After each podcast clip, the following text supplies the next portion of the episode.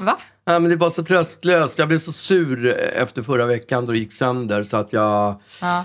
Eh, ja, jag håller tummarna på att det är bra. Men ja, vi, vi är tillbaka! Vi, vi är hemma från Japan. Ja, vi- och från Indien. Det, det, Det var en plågsam upplevelse. Alltså, eh, du har, inte, du har inte kommit ut på andra sidan eller? Nej, vadå kommit ut på andra sidan? Det har jag visst gjort. Och jag vet du vad, jag går omkring i ett lyckorus för att jag har tagit är igenom, för att det är över. Ja. Ja, men men jag känner lite grann som när man har eh, gjort sl- slut med en kille. Att jag romantiserar hur bra det var. Ja, det gör man ju alltid. Ja, men- Du menar att det är sa- Jag har faktiskt aldrig tänkt på att det skulle vara samma sak med, med liksom minnen som med liksom ex. Att man börjar liksom, åh vad fint vi Mm. Men det hade går så jäkla fort tycker jag när man har varit tillsammans med någon och lidit sig igenom hela det förhållandet. och sen så tar det slut och då, då var det förhållandet plötsligt det finaste förhållandet som något förhållande någonsin har varit. och lite så känner jag även för den här resan. Att, att jag ser det bara i ett rosa skimmer nu. Ja. Vad härligt det var. Vad, vad kul vi hade. Vad, vad, vad lite vi bråkade. Men vi bråkar inte så mycket. Nej, men det väl att så här, det var ju, det var ju en... vi var ju- mer i USA. Ja, det, men det var ju en väldigt påfrestande resa oavsett. Ja, väldigt och, påfrestande. och, men det, allt det är glömt nu, tycker jag. I, var i, mitt huvud. I mitt huvud var det inte påfrestande alls. Nej, men det som var mest påfrestande för mig var flygresorna. Jag hatar Mm, jag att flyga. Alltså, jag tycker det är vidrigt att flyga. Och jag har aldrig någonsin flygit så mycket Mm. som jag gjorde de nio dagarna. För det var två dagar Indien, flyg till Japan, två dagar i Tokyo och sen två dagar till flyg till Okinawa. Och så var det flyg från Okinawa, så här sista när vi skulle åka hem, då var det flyg två och en halv timme från Okinawa till Tokyo. Sen var det ett flyg som, från Tokyo till Helsingfors som skulle ta 12 timmar och 50 minuter. Men det var tydligen någon motvind så det skulle ta 15 timmar. Så med, med sista transporten ifrån Helsingfors till, till Stockholm så blev det typ 18 och en halv timme i luften. Alltså, äh. Men vi kanske ska börja från början ändå.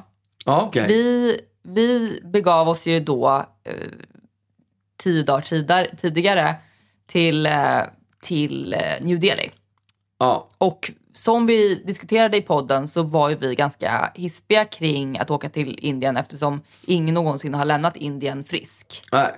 Men vi hade preppat. Vi var Ja. riktiga preppers. Ja, jag vet inte om ni tror att vi skojade, men det gjorde vi liksom inte. Vi hade eh, de facto med oss eh, torrfoder. Ja, frysmat. Ja, och, och plasthandskar. Och, Frystorkat mat kanske man ska säga. ja, eh, plasthandskar, Munskydd. munskydd, medhavda eh, sugrör. Tio flaskor handsprit. Ja, och egna plastmuggar. För Ja. man kan inte lita på eh, vattenflaskorna. Nej. Sugrör hade vi. Ja, Bestick. bestick hade vi. Tre olika sorters knivar, gafflar och skedar. Alla kromade. Ja, kromade plastskedar. Ja, så att den skulle kännas som vanliga bestick. Ja. Men det som, så att när vi kommer till New Delhi, då var det, det var, jag var förvånad över hur snabbt jag skulle känna att, att det, jag fick känslan av att om jag, om jag tar på någonting så kanske jag dör av det. Alltså det, det, var, det eskalerade så, så snabbt den här känslan av att bakterierna kommer vara döden. Därför att det var ju faktiskt inte så. Hade det varit hade vi varit där på semester så hade jag ju gett fan. Då hade jag ätit tikka masala. Liksom. Mm. Men nu kun- kunde vi inte det eftersom vi skulle arbeta. Och om vi skulle bli magsjuka så skulle hela den här resan vara i onödan. Ja. Så det var viktigt att jag- vi inte blev sjuka ändå. Jag oroade mig också för att bli sjuk för att jag skulle sitta på ett flyg åtta timmar på muggen mellan, mellan New Delhi och Tokyo. Det var min värsta farhåga. Det, det, min värsta, det där var nog kanske min bästa, mitt bästa scenario, att sitta på flyget. Min värsta farhåga det var att man skulle inse att man var sjuk ute i jobba ändå. trafiken någon gång. Alltså för den New Delska trafiken är ju inte att leka med. Det, är ju, det står ju still. Det är värre än Bangkok. Ja, gud ja. Bangkok är ju hysteriskt, men det här är ju hundra gånger värre. Mm. Ja, och, och min värsta farhåga var att man skulle äta någonting och sen plötsligt sitta i trafiken eh, eh, någonstans i New Delhi och ja, behöva gå på damrummet. Vad gör man då? Alltså då hade jag ju drömt om en flygplanstoalett om det hade hänt. Ja, okej. Jag, jag, jag, Vad var hade ju du gjort? aldrig, jag var aldrig ens inne på en toalett. Nej, Men det, det, var lär nog ju faktiskt inte det jag ska ju heller. bara vara såna hål i golvet. Ja, men det, det, men jag misstänkte att det skulle vara, för jag har ju backpackat och sånt där i, i eh, Asien. Och då har man ju besökt sin beskärda del av två, två fotsteg över, eller vid sidan av ett hål. Det är inte svårt att hålla balansen liksom. Nej, man står ju som på marken.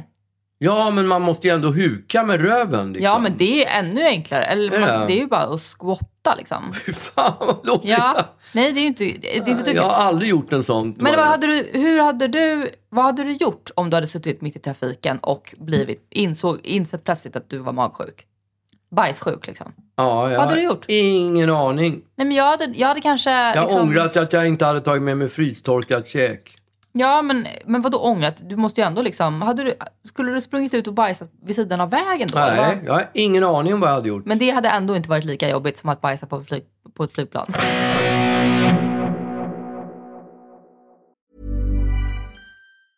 Ryan Reynolds here from Mint Mobile. With the price of just about everything going up during inflation, we thought we'd bring our prices down. So to help us, we brought in a reverse auctioneer, which is apparently a thing. Mint Mobile unlimited premium wireless. Ready to get 30, 30, bit to get 30, bit to get 20, 20, 20, bit to get 20, 20, bit to get 15, 15, 15, 15 just 15 bucks a month. So, Give it a try at mintmobile.com slash switch. $45 up front for three months plus taxes and fees. Promo rate for new customers for limited time. Unlimited more than 40 gigabytes per month. Slows. Full terms at mintmobile.com. Get up to 30% off wedding jewelry at BlueNile.com and remember the joy of your wedding day forever. Blue Nile offers everything from diamond and lab grown diamond wedding bands to classic pearls, earrings you can design yourself, even gorgeous sapphire pieces for your something blue. Whatever you choose, Blue Nile's pieces are all graded for excellence for a lasting memento as brilliant as the love that inspired it. Right now, get up to 30% off at BlueNile.com. BlueNile.com. Så att vi, vi krigade på där i Indien. Helt enkelt. Ja, det gjorde vi. Och, och det som var så himla jobbigt, tyckte jag, och också du, var att en sån enormt stor del av den indiska kulturen visade sig vara att bjuda på mat. Ja, fy fasingen. Så att vi kommer ju till ett ställe, en familj, som, det här är ju en, en stor händelse för dem, att vi ska komma dit och, och träffa dem och sådär. Så att de har ju typ ställt till med fest. De har lagat mat i dagar typ för att det här, för att vi ska komma dit. Och det här är också vår sista dag i Indien. Vi har klarat oss hittills. Och nu kommer vi hem till en familj som med tindrande ögon Ska bjuda oss ska på bjuda oss på all Buffé. sköns indisk buffé. Och jag, vi hade, direkt när vi kommer dit så, så säger vi till teamet, till producenten, du måste, du måste förklara för dem att vi inte kommer att äta därför att vi bara kommer inte göra det. Liksom. Och det var som att det, kom det gick inte riktigt fram. Så att ändå Ja, men vet du vad, jag tror att de i teamet var lite konflikträdda. Ja. De vågade inte framföra budskapet ordentligt. Nej men så här, vi har sagt det någon gång. Alltså lite så. Ja. Eh, så att vi var tvungna att, skämmas. Men, men då, kom, då kom ju den ena efter den andra i den här familjen. Och de var många. Ja, och Och det var, det var släktingar och allt möjligt där. propsade. Nu ska, nu ska vi äta. Och, och både till dig och mig vid olika tillfällen. Och, och jag var ju bara så här, först så började jag ändå med att så här, eh, nej men jag har precis ätit så att jag, det, jag är mätt, jag är urnöjd, tack snälla. Och, och då var svaret ganska fort, ät lite ändå. Och, och, och ja, nej men därför att eh, det, det är så, jag har lite magproblem nämligen. Eh, det, det, det, det kör ihop sig. Så att jag, jag avstår nog. Ät lite frukt. Och kom svaret då. Nej, nej frukt, ja, det kommer inte, ja, jag, jag, jag avstår, tack snälla liksom. Ät den här keso efterrätten, den är bra för magen. Alltså det, det, var, det, det slutade aldrig. Nej, de höll på som fasingen. Alltså. Trots att vi båda två sa vi har magproblem. Det kan sluta i disaster. Ehm, så var det så här, det skiter jag i, ät ändå. Liksom. Det var liksom, för i Sverige så är man ju så här, om någon säger eh, här, här, ta, ta, ta något att äta. Jag har ju lagat massa mat. Och, då, och den personen säger så här, ja, jag har precis ätit.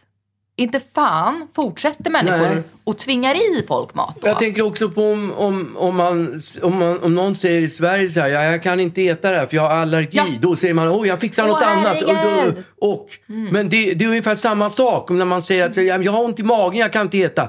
Det här är bra för magen. Jag vet väl för fan bäst vad som är bra för min mage. Ja, du kan ju inte generalisera alla magar Nej. och säga att det här är bra för magen. Alltså inte min. Eller så här, det vet vi inte. Därför att oavsett om det här är bra för magen eller inte så har vi olika bakterier.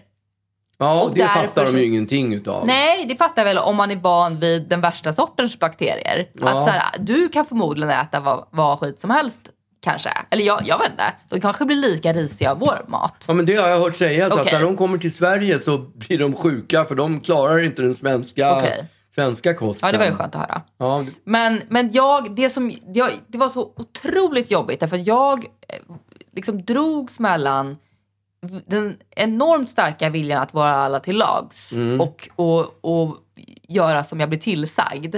Och också att inte bli dödssjuk min sista dag i Indien. Vi hade klarat oss. Och nu plötsligt så, Sista, ja, så var det här upploppet. sista prövningen. Och jag var så nära att till slut, efter den femtonde personen som propsade på att jag skulle äta, så var jag så nära att bara såhär, ro hit keso efterrätten. Jag slevar i mig nu. Men jag höll mig. Med facit i hand så hade du inte gjort någonting. Nej, för det var ingen som blev sjuk. Det var ingen som blev sjuk. Samtidigt så betyder det inte någonting tycker jag att någon annan inte blev sjuk. För att min, Nej. min kropp är min. Det har vi ingen aning om. Nej, den klart. hade säkert bara Nej. fuck you din idiot som, som trodde att du kunde, att du kunde trycka i dig indisk keso Mm. med kardemumma. Det kunde du inte Agnes, vad dum du var. Det är en sak till som jag, som jag vill berätta om Indien. För vi var ju på den här marknaden. Mm, det. Där det var hur mycket folk som helst. Alltså jag har, jag har aldrig någonsin, jag visste att det skulle vara intensivt och hög ljudnivå. Men det var, det var som att vara mitt i en feberdröm för att det bara, det bara folk tutar ju i, liksom på ett helt sjukt. De sitter fast i trafiken och ligger på tutan som att det Hela ska göra någon skillnad. Alla gör det. Ja. Det är He- Jag har aldrig liksom- hört så mycket tutande Det i är hela mitt liv. kutym att bara konstant tuta. Ja. För man har ju sett att i vissa länder att folk tutar typ när de ska köra om och att det är ett litet, ett litet språk. Ja. Men det här var ju bara ilskna tutningar som inte hjälpte varken till eller från. Det, det bara lät exakt hela tiden. Där det kom tuk-tuksbilar. Vad, vad var det de hette? Richach. Richach. Något sånt. Richach tror jag det hette. Mm. Här, eh, indiska tuk-tukbilar och cyklar och mopeder. Och, hela tiden. Man fick liksom parera de här hela tiden. Men då var det också ett scam som jag såg. Det var någon som gjorde ett scam. Mm. Ja. Och scammet gick ut på, fick jag berättat för mig, att det en, en, kill, en indisk kille går fram till en turist och stoppar ett tops i örat på honom. Mm. Låtsas göra rent örat och ur sin egen ficka tar han sen upp någonting som är lite brunt och ser ut som öronvax som han pillar in i örat och sen tar han ut det och så visar han för den här killen som han har petat örat på. Titta vad jag har tagit ut i ditt öra. Ja. Nu vill jag ha pengar för det här. Ja men och det är så, alltså den där scammen är ju så, är ju så sjuk. För att det, det finns ju ingenting som skulle få mig att, alltså att topsa mina öron gör jag i min absoluta ensamhet. Ingen, jag skulle aldrig göra det inför någon annan. Inte Nej. ens mina familjemedlemmar skulle jag stå och topsa mina öron. Nej, Att jag då skulle inte. tillåta någon att topsa dem på gatan I Indien. bland hundra miljarder människor och sen så drar de ut den här topsen och visar upp hur smutsig den är. Men de sa ju också att så här, det spelar ingen roll, du kan ha topsat dina öron för en timme sen. De kommer fortfarande vara vaxiga när de, när de tar ut sin tops för att det är det som är scammen. Ja, Men de kan ju inte ha några, några sådana problem eftersom de tillåter en random person att, för det, de kan ju inte våld, do, våldtopsa. De, de måste ju ändå be om lov tänker nej jag. det tror jag inte. Du tänker att de bara ja, mörsar in en plötsligt tops? har man en tops i örat. Ja men då kan de inte ta betalt för det. Om det är det de gör. Det var någon annan, jag berättade för någon det här. Mm. Då var det någon som berättade för mig att, att eh, en, en liknande grej, men inte lika jävligt tycker jag.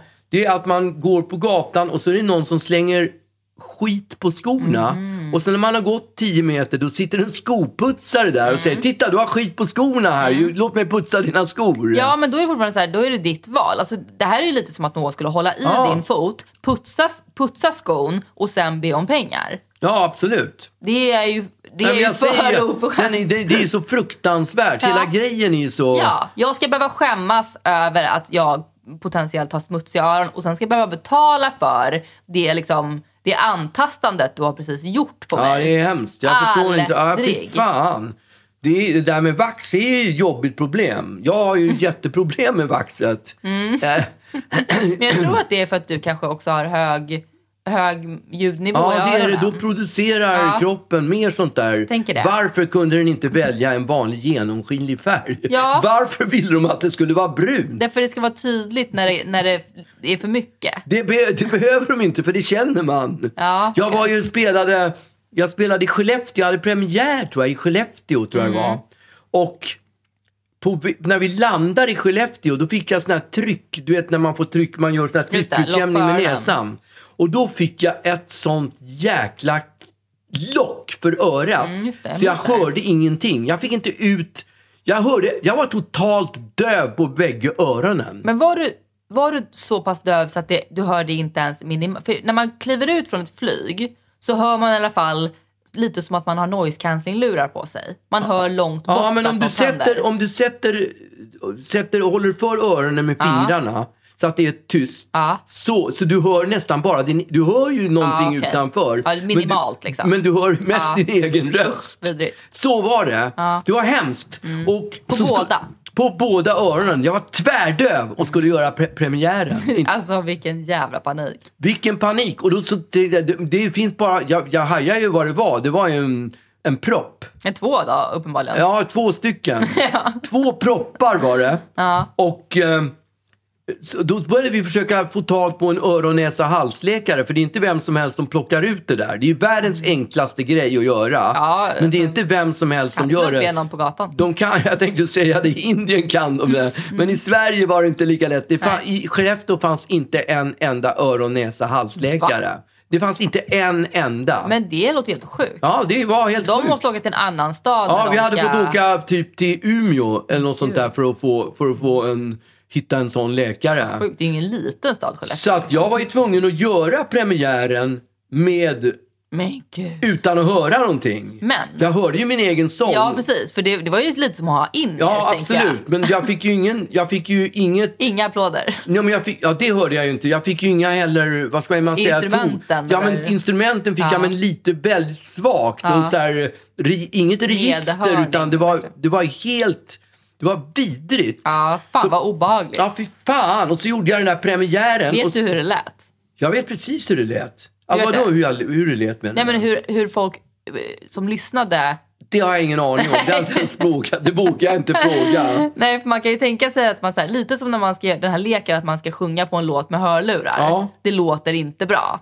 Nej, Lät det så? Kan det, kan så, det ha kan, låtit så så? kan det absolut ha varit. Usch. Så kan det ha varit. Ja. Eh, men jag gjorde i alla fall premiären. Jag gjorde den. Så var det efterfest sen, premiärfest. Så vi satt ju i någon, någon, någon lokal liksom och drack. Och jag var ju helt döv. Jag hörde ingenting.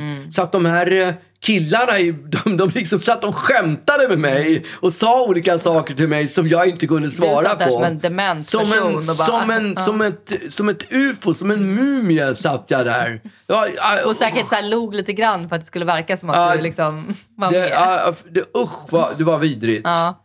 Så att, eh, och nu gör jag det, nu gör jag, går jag till Men doktorn. blev du av med det då eller? Ja, men jag eh, fick ju flyga hem till Stockholm och uppsöka en läkare i Stockholm. Och då fick jag ju bort det på, det tar ju en 20, jag var ju i Skellefteå på olika såna här akutmottagningar. Och alla, och de höll på att titta i mina jävla öron och tittade. Men det var ingen som kunde liksom fixa det. Det kom till och med en jourhavande läkare, en allmänläkare, som började spruta. Han sprutade in, du vet, sån där, en gummiblåsa. Du vet en sån här gummiblåsa med en liten spets på. Man nej. sprutar in vätska i örat. En brun gum. Nej. Vet inte vad det är? Nej, jag har aldrig varit med. det är sånt man, det heter, jag tror det heter typ Revaxör. Så han sprutade in något sånt i örat och det blev bara ännu sämre. Du skämtar? Det blev bara ännu sämre utav det. Gud. Så, att, eh, så jag var ju då dels på akuten, träffade den där läkaren, men det var ingenting som hjälpte. Så det var ju först när jag kom hem till stan som jag fick tag på en öron, näsa, Yeah. hals som kunde fixa det där på noll och inga sekunder. Ja, okej. Det var ju skönt. Ja. Så nu när jag flög till Indien, då hade jag sett till att fixa det där. Det var tomt. Ja, det var helt tomt. Det var ingen hade, lura dig. hade kommit någon och försökt lura mig så här och sagt, Den den gubben- gubben går inte.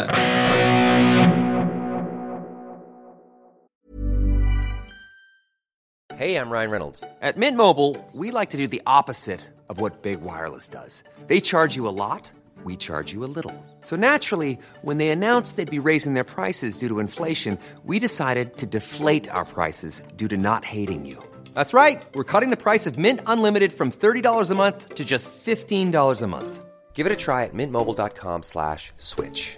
$45 upfront for three months plus taxes and fees. Promo rate for new customers for limited time. Unlimited more than 40 gigabytes per month. Slows. Full terms at mintmobile.com.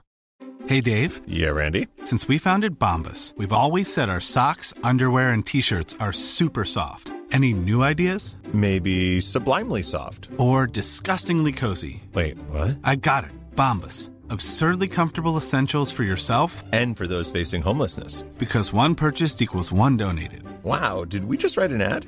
Yes. Bombas. Big comfort for everyone. Go to bombas.com slash ACAST and use code ACAST for 20% off your first purchase. Men sen så var det då äntligen dags att åka till Japan. Just det. Jag var ju väldigt pepp på Japan. Du har ju varit i Japan. Ja. Inte jag. Jag var ju där fotbolls-VM 2002. Mm. Ja. Det är ett av mina absoluta häftigaste ögonblick. Eh, när, jag, när vi satt, jag tror vi var i KB och kollade Sverige-England. Och vi sitter, svenska, svenska publiken sitter på läktaren. Får jag fråga en jättedum sak? Ja, Finns det ett ställe som heter KB? Jag tror att det heter KB. Och det är därifrån KB-biffen Ja, jag tror det. Jag tror att det heter KB, men jag kan ha fel. Okej. Jag vågar inte ta gift på det. Nej. Det, det har jag ångrat många gånger. Ja. Eh, men då sitter vi hela svenska läktaren på, hörn, på hörnet vid målet. Mm. Och då blir det, ja det är så häftigt. Då, då blir det hörna eller om det blir Mm. eh, frispark ifrån där vi står. Och då kommer Beckham gående Mm. mot svenska läktaren. läktaren. Och publiken, den svenska publiken, de buar något så fruktansvärt. Det är ju han van vid tydligen. Han skiner upp som en sol. Han ler ett sånt skönt leende. Ja. Sen lägger han frisparken eller om det är hörnan och sätter den i mål. Såklart han gör. Alltså, Herregud. det är fan det största fotbollsögonblicket jag har varit med om. Och det var inte ens ditt mål, liksom. Nej, jag, jag tyckte det var... Han gjorde ett sånt fuck you till Ja, svenska publiken och sen skickades den in i mål. Jag kommer inte ihåg om det var han eller om den gick Ja, indirekt in i mål. Men det var så klockrent. Ja, väldigt kul. Ja. Men, men jag, eh, ja, jag såg ju väldigt mycket fram emot att få se Tokyo. Nu fick jag ju inte riktigt se Tokyo därför att vi hade ju ett extremt späckat schema visade det sig. Mm, vi såg inte alls Vi mycket såg av ingenting. Tokyo. Jag såg lite av Tokyo, liksom eh, motor, motorväg genom fönsterruta. Typ. Mm. Men fick ju äntligen äta upp. Jag fick sån revansch från Mm, torkmat. Uh, herregud vad, vad det är god mat i Japan. Ja. Alltså, min upplevelse när vi åkte, vi åkte olika flyg till, eh, Mm. till Tokyo. Jag, du åkte ju Indian Airways och jag åkte, eh, vad det nu heter, Mm. Ana. Ana. Och de, de bjöd ju på, då fick man välja mat om man ville ha continental eller om man ville ha japanskt. Så jag tog, Frukost. Ja, så jag tog ju japanskt. Och alltså, jag smakade på den där maten och alltså det var det godaste mat jag ätit hela mitt liv. Det var så jävla gott. Och då kom jag på plötsligt att det är som när de är på Robinson och inte har ätit på flera dagar och Exakt. får en skål med ris. Ja. Och de tycker det här var det godaste Ja. mat jag någonsin ätit. Ja, men det måste väl varit så. Alltså, Ja. Det kan ju inte varit det godaste du ätit, utan det måste väl vara bristen på god mat i Indien. Ja. Det är så synd eftersom eh, ja, indisk mat ändå Ska vara så god. är ja. något. Men, eh, men jag hatar ju inte japanskt. Nej, inte det, jag heller. Alltså som vi åt sushi. Ja, Alltså dagligen nästan ju. ja, i alla fall tre gånger Ja, och vi, vi gick på teppanyaki. Ja. Vilket i Sverige, jag trodde ju, jag har ju alltid gått i tron att teppanyaki är jordens största turistfälla där det står en, en snubbe och gör någon slags throwing the flaming eh, volcano, onion volcano. Och Slänger räkor Ja. i luften som han klyver med ett sam samurajsvärd. Ja, att det är sån jävla Vi show. var ju på en sån i London en gång, kommer du ja, ihåg det? Ja, ja, jag minns. Men så att när vi då skulle äta teppanyaki så kände jag så här. Ja, okej. Okay. Är, är inte det turistfälla liksom? Eh, så kom vi dit. Herregud, det var ju inte alls så. Det var ju bara en snubbe som stod och lagade maten vid baren. Vi satt vid baren och han lagade den på en häll. Ja. Det var tapanyakin. Och att man då fick se när det, när det hände. Men det var ju ingen show. Inte för fem öre. Förutom att det bara såg så jäkla härligt ut Mm. när han slänger fram en wagyu och, och steker den på ett Mm. visst sätt. Och att man bara fick titta på allting. Det, det var ju drömmen. Det var ju bara att titta in i ett öppet kök sådär. Det var ju inte någon, någon flaming onion volcano. Nej, verkligen inte. Men jag, eh, om man bortser från maten, så var det ju också som natt och dag även eh, renlighetsmässigt. Ja. Om, om New Delhi var den absoluta ena sidan så var ju ändå Tokyo den absoluta andra. ja. Och det jag tycker är så konstigt också är, för det är, ju, det är ju väldigt, väldigt olagligt att slänga skit på gatan. Men inte en enda jävla soptunna ser Fanns det man. där? Nej. Vad fan är det? Ja, det var jättekonstigt. Det är som att de vill att man ska vara olaglig. Ja. Därför att om Men jag då- inte jag- får slänga någonstans på gatorna, vilket man ju inte heller vill, nej men då måste ni ju hjälpa mig genom att ge mig ställen där jag kan slänga saker. Det finns inga Men jag tror att de är så disciplinerade, japanerna, så de slänger det. det de, De tar med sig det. ja, det, det händer aldrig Nej. att de slänger så någonting. de går runt med någon kolaburk, tom kolaburk i väskan typ. Ja. Men det är ju pissjobbigt. Alltså så många gånger som jag kände ett behov av att slänga saker, men fick gå runt där med det i handen. Ja, ja, jag vet inte hur de har ordnat det där systemet. Men eh, sen så var det ju också en annan grej som var väldigt annorlunda gentemot Indien. För om Indien, om de i Indien är så här, nu har jag sagt god morgon till dig, det vill jag ha dricks för. Så är ju Japan precis tvärtom. De bjud- man, får, inte Man dricksa. får inte dricksa. Vad ja, är men det? Är det det bästa Ja. system jag någonsin har hört? Det är otroligt. Hur galen blir man över de här jävla dricksystemen som de har? Nu har Mm. de liksom matat in speciella knappar i kortläsaren där man får ge 10, 15 Mm, eller 20 procent. Eller i USA är det ju 20, 30, 40. 30-40 ja. ja. Där är de ju De är helt shameless.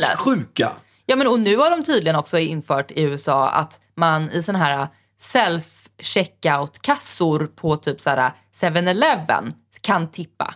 Ja, det är inte klokt. Man bara, "V- v- v- vänta nu här, vad är det jag dricksar för nu? Ja. Vad Man går runt det? och handlar, stoppar ner i egen korg. Ja. Nu betalar man själv också. Ja, och så ska, man, så ska de ha tips, dricks för det. Vad, är det att ni har ställt varorna i hyllan? Är det det jag dricksar för? Ingen aning. Men en annan grej också som, man, som vi båda enades, Mm. som vi gillar.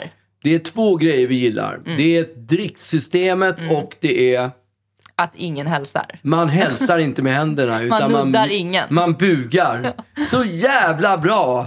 Ja, och att, att eh, nej men det är ju, det är ju verkligen drömmen. Man, fan vad man gillar att bara, Att bara buga. att bara buga och säga arigato. Och Ja. liksom, alltså det, var så, det var så härligt. Jag vill, jag vill ju gå runt och buga alltid. Mm.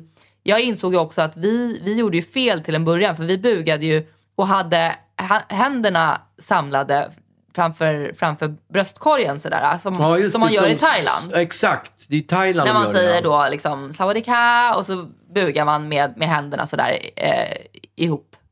Men det gör man ju inte här. Så att vi gick runt och sa, och sa liksom eh, arigato eh, med, med händerna i, i någon slags B-position. Ja, men det blir, man märker också, i, för att i början så sträcker man ju fram handen som den svensk man är. Ja, och de tar ju den då. Men liksom. de har det där slappa handslaget. De har inte fått lära sig. Nej. De, tar inte, de Nej. gör inte på det viset. Så deras handslag, det blir som en död fisk som lägger sig i handen. Ja, nej men såklart. För det, är ju, det är ju inte en del av deras... Det är Nej. på samma sätt som när jag kommer till Frankrike och någon ska pussa mig tre gånger på varje kind. Ja, eller Det, fyra. ja, det blir ju jag jätteställd Det av och vet inte hur jag ska bete mig. svinjobbigt. Så det är klart att de inte kan eh, ta i hand så som vi är vana. För det, det gör de ju inte. Liksom. Nej.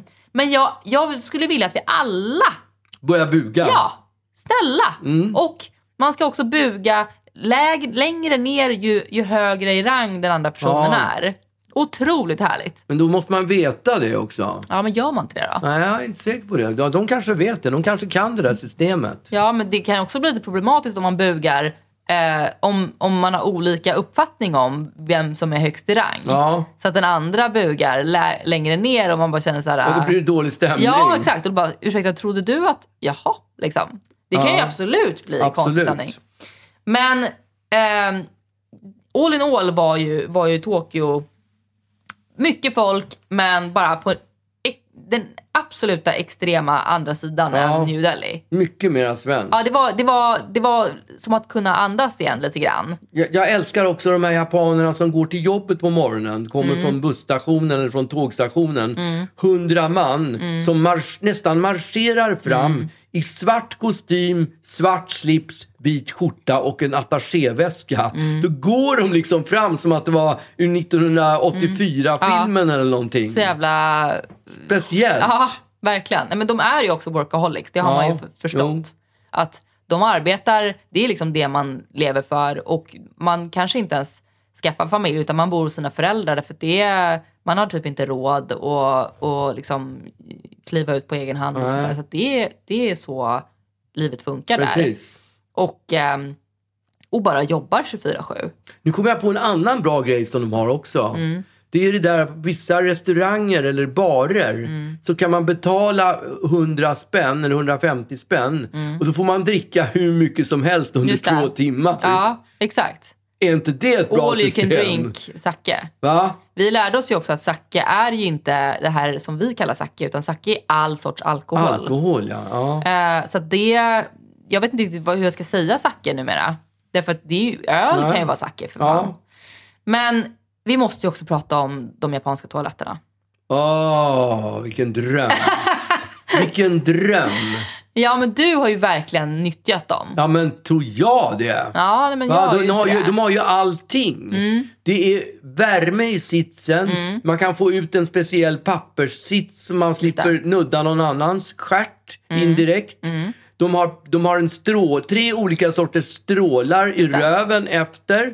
För och- att tvätta rent. Ja, och de har, man kan också få en, en litet stänk med parfym. Just det. Och luft väl för att torka efter sagda Ja, strålar. absolut. Till och med vissa har musik också, Ja. så man kan sätta på musik så man inte stör folk, eller så folk inte hör vad man pysslar med. Nej, och sen så fick vi höra också att det finns vissa som har sån här rörelse i stolen som ska då sätta igång produktion, eller liksom eh, utförandet av, eh, av hela proceduren. The bowel movement. Ja, exakt. Men jag tycker ju att den här värmen i sätet är ju fruktansvärd. Därför det, det, det känns ju som att någon annan bara har suttit Mm. Ja. där väldigt länge. Absolut. Det finns ju också två nivåer av värme. En som är varmvarm och en som är eh, rumpvarm. Den rumpvarma är ju rent äcklig. Alltså jag vill ju kräkas av den. Ja, den är inte rolig. Den är vidrig. Ja, jag håller med. Jag tycker Men jag inte... tycker även den varmvarma. Jag vill ha en iskall sits. Det är det man vill ha. Man vill att Mm. sitsen ska möjligtvis att den ska bli varm under tiden. Ja, det kan den bli. Men, jag den vill, måste- jag vill man måste- mötas av, av porslinskall. Absolut. Ja.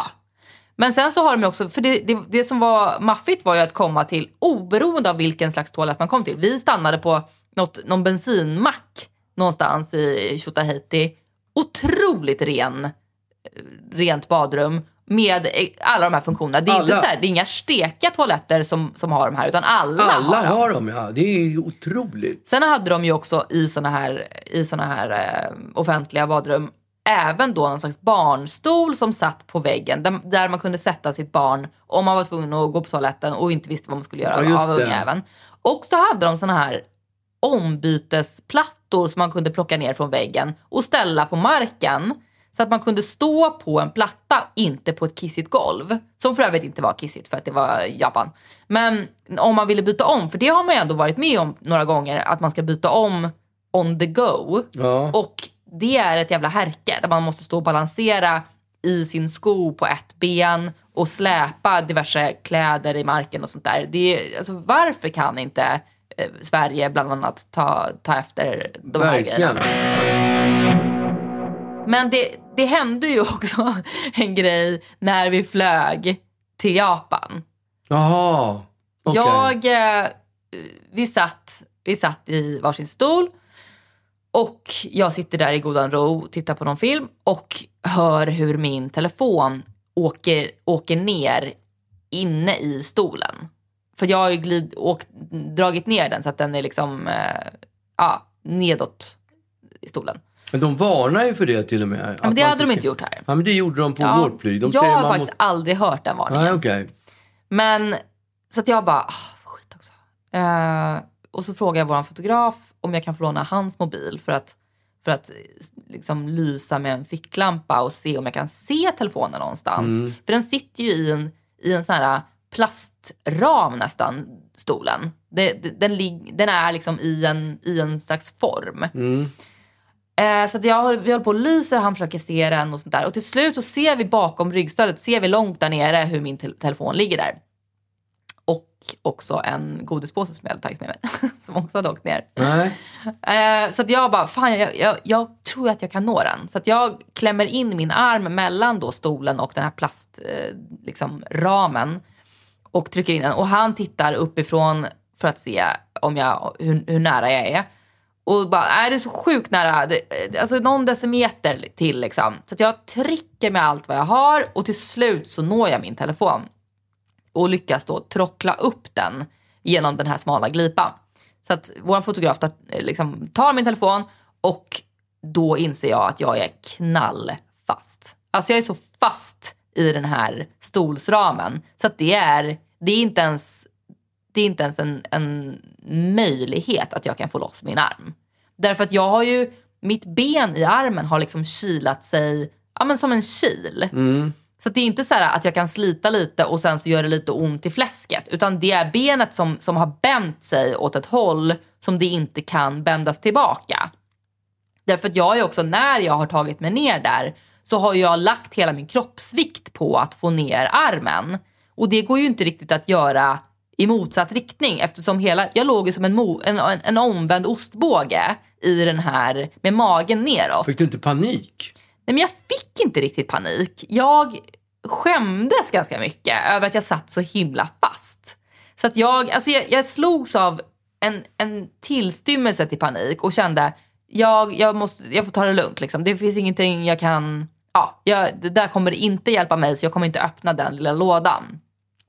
Och de flygvärdinnorna gick ju förbi oss hela tiden och liksom Det var ingen som noterade det Alltså jag tror att de gjorde det men att de bara valde att inte... Se. Ja. Därför att, och, och jag sa till, till vår fotograf, vi tillkallar inte någon flygvärdinna än därför att då, då vet jag inte vad som händer. De kanske måste nödlanda. Eller, alltså, jag har ingen aning om hur det här funkar därför att jag sitter så satans fast. Det finns inte en möjlighet att jag kommer loss. Till slut så lyckas då Alltså för våran fotograf håller på att försöka bända upp den här stolen, det går ju inte. Och så försöker han också titta om man ska våga trycka på den här knappen som ska då eh, hissa upp ryggstödet. Men, men det är ju inte bara ryggstödet då som flyttar sig utan hela stolen flyttar sig ju. Så man vet ju liksom inte om han kommer bryta sönder hela min arm av att trycka på den där knappen. Så han bara får panik, vågar inte trycka på det där. Till slut så lyckas de dra upp en sån här avdelarvägg som, som är mellan stolarna och då lyckas jag till slut slita loss armen. Och har ett blåmärke som är typ lika stort som mitt huvud Nej. på min arm. Ja, jag Alltså, såg ju det i och för sig så att jag... ja, men, Det, det var ju rätt stort. ja, nej, men och väldigt, väldigt mörkt. Ja. Eh, så att resten av inspelningen går ju jag i långärmat för att det, jag ser helt misshandlad Mm. ut. Men det var så, alltså jag skrattade så hysteriskt. Därför det var så pinsamt. Hur lång tid tog det då? 20 minuter typ låg jag där Fan, fast i en den där stolen. alltså, du, hade ju, du hade ju fått panik tror Ja, jag. det tror jag. Alltså inte, absolut om du hade suttit där men också om du hade varit bredvid mig tror jag att du hade fått panik. Därför att det var, det, var, det, det fanns inte möjlighet. Du vet när man känner att så här, nej men det, armen är knallfast. Det, jag kan inte för mitt liv nudda eller röra den ens en centimeter. Fan, det måste vara sådär när man är ute och dyker liksom och hamnar plötsligt i någon skreva. Mm. Man stoppar in någonting och så blir man fast under vattnet och drunknar. Ja, nu, nu hade jag liksom inte vatten omkring mig. Nej. Men det var fortfarande så himla jobbigt att jag låg på mage. Så att jag kunde inte, jag, jag fick ingen kraft i, i armarna att, att ta mig upp. Utan, för hade jag, hade jag kunnat stå upp eller något så hade jag kanske kunnat slita med hela kroppen. Men man, man, den första tanken som slår en det är ju att har man fått ner armen så måste man också kunna få upp Ja. den. Men det behöver inte betyda att det är på det viset. Nej, framförallt inte när hela, när hela, liksom, eh, när hela min kroppstyngd trycktes ner för att få ner armen. Men jag kan ju inte göra samma procedur uppåt därför att om kroppstyngden trycker på stolen så, så trycks ju även armen ihop. Ja. Jag var ju tvungen att, att lätta på, på min kropp för att, för att inte liksom, stolen skulle trycka ner armen. Och det kunde jag inte göra när, när den skulle ner. Så det, det liksom funkade inte riktigt där. Och det var jag också lite medveten om att så här, mm, det här behöver inte nödvändigtvis betyda att jag kommer få upp armen. Nej. Men jag, det löste sig ju. var Eh, men, men jag skämdes som en hund. Alltså det var, jag, jag skämdes så mycket att jag satt fast i den där stolen. För jag kände mig som Mr Bean. Liksom. Alltså det var så jävla dumt. Faktiskt. Men, eh, Faktiskt. ja, men jag, jag var tvungen att lämna godispåsen där nere tyvärr. Ja, det var ju synd. ja, jag var lite sugen på att göra samma grej igen. Hello, this is Danny Pellegrino, host of the Everything Iconic podcast, and I'm here to tell you all about Splash Refresher because hydration is mandatory, but boring is not. Now, I love my water, but if I don't spice it up, I'm not going to finish what I took out of the fridge. That's why I love my Splash Refresher, which is flavorful, delicious, bright, hydrating, and zero calories. The wild berry flavor is my fave. No, wait. Is the pineapple mango flavor my fave? You know what? All five craveable splash refresher flavors are my fave because they're so delicious. So get hydrated and enjoy it with Splash Refresher. ACAST powers the world's best podcasts. Here's a show that we recommend. The Real Housewives is a guilty pleasure for most, but if you're looking to not feel guilty about that pleasure, tune in to Everything Iconic with me, Danny Pellegrino, where I break down all the messy moments and behind the scenes antics of Bravo's popular franchise. And on Everything Iconic, I also interview celebrity guests like Kelly Ripa, Kiki Palmer, Drew Barrymore, Cameron Diaz, and more about their guilty pleasures, their past work, and so much more. So if you're pop culture obsessed and find yourself watching way too much reality TV like me, tune in to Everything Iconic with Danny Pellegrino wherever you listen to podcasts. ACAST helps creators launch, grow, and monetize their podcasts everywhere. ACAST.com. Det har ju stått rätt mycket i tidningarna om, om eh, den svenska publiken. Den svenska rockpubliken. Asså? Ja, det, det, det stod en artikel i DN häromdagen. Mhm. Där stod det så här, när Busty Rhymes, vet du om det är? Busta Rhymes. Busta Rhymes, ja. Ja. ja. Jag har ingen aning, vem är det? Ja, men det är en... eh, Det är Busta Rappare, Rhymes. va? Ja. När Busta Rhymes gästade Stockholm för en spelning i oktober ilsknade hiphopartisten till på den svenska publiken. Res er upp för fan och representera er stad, ni ser så trötta ut.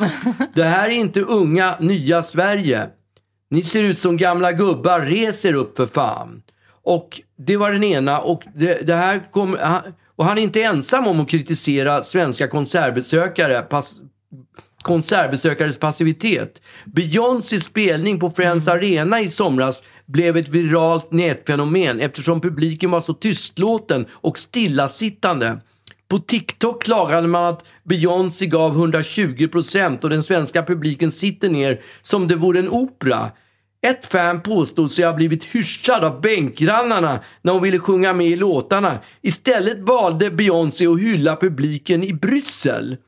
Och det Och först- Finland tror jag. Nej, det var bara det här var Okej. andra spelningen. Okej. Och jag som artist vet ju hur det funkar. Det är ju så här det funkar. Va? Om när man ska få en publik att elda på ännu mera. Så är det liksom varje spelning man kommer till Åh, Skellefteå, ni är den bästa publiken på den här turnén! Och publiken bara yeah! Och sen kommer man till Skara. Åh, Skara, det här är den bästa publiken! Det har ingenting alls att göra med att det var sämre. Det är bara retoriken för att få publiken att hetsa sig ännu mera. Men nu verkar det som att det var tvärtom. Vadå? Att både Busta Rhymes och Beyoncé tyckte att Sverige var sämst. Ja, men han kör ju samma grej. Men tvärtom. Nej, han kör ju också... Ni är ju sämst. Ni sitter ju bara ner Ja, som han, kärringar. han gör, utvecklar ju det där med att inte säga det- Beyoncé säger ju ingenting illa om Sverige. Hon Nej. bara hyllar Belgien. De som kommer efter. Och då har vi själva gjort Hon skulle ju inte, eftersom eh, vad heter det, Friends Arena var den första konserten på turnén så skulle hon inte kunna säga det här är den bästa publik jag har träffat på, på den här turnén. Nej. Och eh, den här som gör reser upp, jag reser upp för fan säger Basta liksom. Mm. Och jag har sagt flera gånger så har jag sagt så här, när publiken skriker så att man nästan blir döv för de skriker så högt, så skriker jag Va? Va? Vad är det ni säger? Jag, jag hör inte! Jag hör inte! Alltså det är precis samma teknik. Det här, är in, det här är jobbet Det är man gör. hypen. Det är hypen. Man får igång publiken på det här viset. Ja. Det har ingenting att göra med att Beyoncé tyckte att Stockholm var dålig publik. Eller att den här Basta tyckte att det var dålig publik. Men en annan grej som slog mig det här också. Det är den här som blivit hyschad. För vi var ju i Japan. Ja, ja, jag tänkte på det också. Du kanske ska berätta det. Nej men där är det ju precis tvärtom. Man, får, man måste hålla käft. Ja, Man får inte sjunga med. man får sitt, sitt, sitt eh, biljettnummer. Man sitter på sin plats. Mm. Ja. Man reser sig inte. Nej. Man sitter där. Och framförallt, man sjunger inte med. Nej, alltså det är lite som att prata på en biograf. Ja, Att, att, att sjunga under en konsert. Så att alla konserter i Japan är tysta. Alltså utifrån publikens. ja, perspektiv ja. Ehm, och ehm, nej men det måste vara så trist.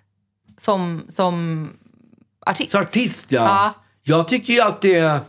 Alltså om jag uppträder någon, någonstans och publiken är tyst och inte säger något och inte applåderar så här lite mindre och så här. Jag tycker att det, det kan bli ibland stundtals obehagligt Ja. att stå på scenen när Ja. det är på det viset. Ja, men där, det som vi fick lära oss också dock var att det, det de då gör är att var, varje artist har någon slags koreografi som publiken lär sig. Med någon Ja, det. ljuspinnar och sånt där. Så att det gör de.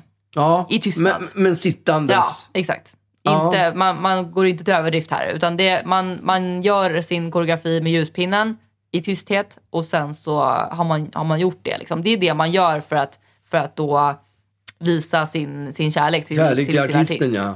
Men jag såg, jag såg ju också en konsert, en filmad konsert med Elton John och en slagverkare som heter Ray Cooper. Mhm. När de spelade, det här är på 80-talet tror jag. Mm. När de spelade i, i Moskva Mhm. under Sovjetunionen.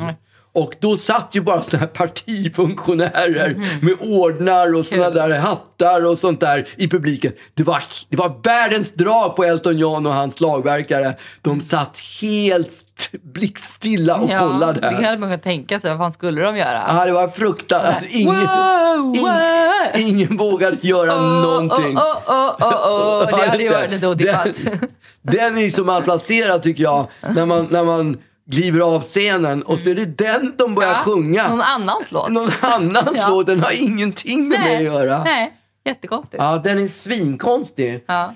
Men innan vi avslutar den här podden så tänkte jag vi skulle göra ett litet undantag. Mhm. Nämligen att göra en fredagsdrink. Mhm. Eftersom vi var i Japan och då fick vi lära oss hur man gör när man dricker sake. Ja, just det. Alltså sakevinet. Den, den sacken som vi på. sake. Ja, exakt. Är det här min då eller? Ja, det där var din. Ja. Nej, men för att det...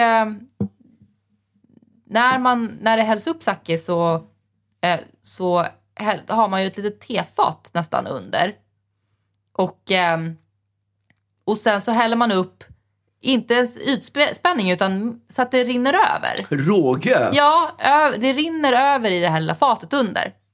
Och då ska man, eh, skålen man utbringar är att man ska säga då, för att det, det håller ju på att rinna över hela tiden, så då, då ska man samtidigt som man för glaset och fatet till munnen så ska man säga, och, alltså den, Ja, vi ska göra det jag istället. vet, men jag ska berätta vad det, vad det Ja. betyder. Då ska man säga oj, oj, oj, oj, oj, oj, oj, för att det är Ja. så mycket. Och sen så ska man säga eh, jättegott. Just det. Det är det som är proceduren. Men det här händer ju också bara första gången man... Första Ja, klunken just sake. Sen funkar inte den grejen. Nej, för det måste vara den där ytspänningen. Ja, eh, det, det sket ju vi. vi. Vi sa ju sådär Vi exakt. gjorde ju hela tiden. Exakt varje klunk. Ja. Men är det det vi ska göra nu Det är då? det vi ska göra nu. Ja, okej. Så, så ska vi säga trevlig helg innan eller ska vi säga det efter? Ja, vi säger trevlig helg. Vi säger Och trevlig sen helg. måste vi säga skål också på japanska. Ja, just det. Ja. Jag var tvungen att tänka efter vad det var. Ja. Okej, Okej. men ha en trevlig helg då. Och eh, hoppas ni får, eh, får dricka något härligt. Ta en sake vet jag. Ja, gör det. Ja. Okej? Okej. Kampai!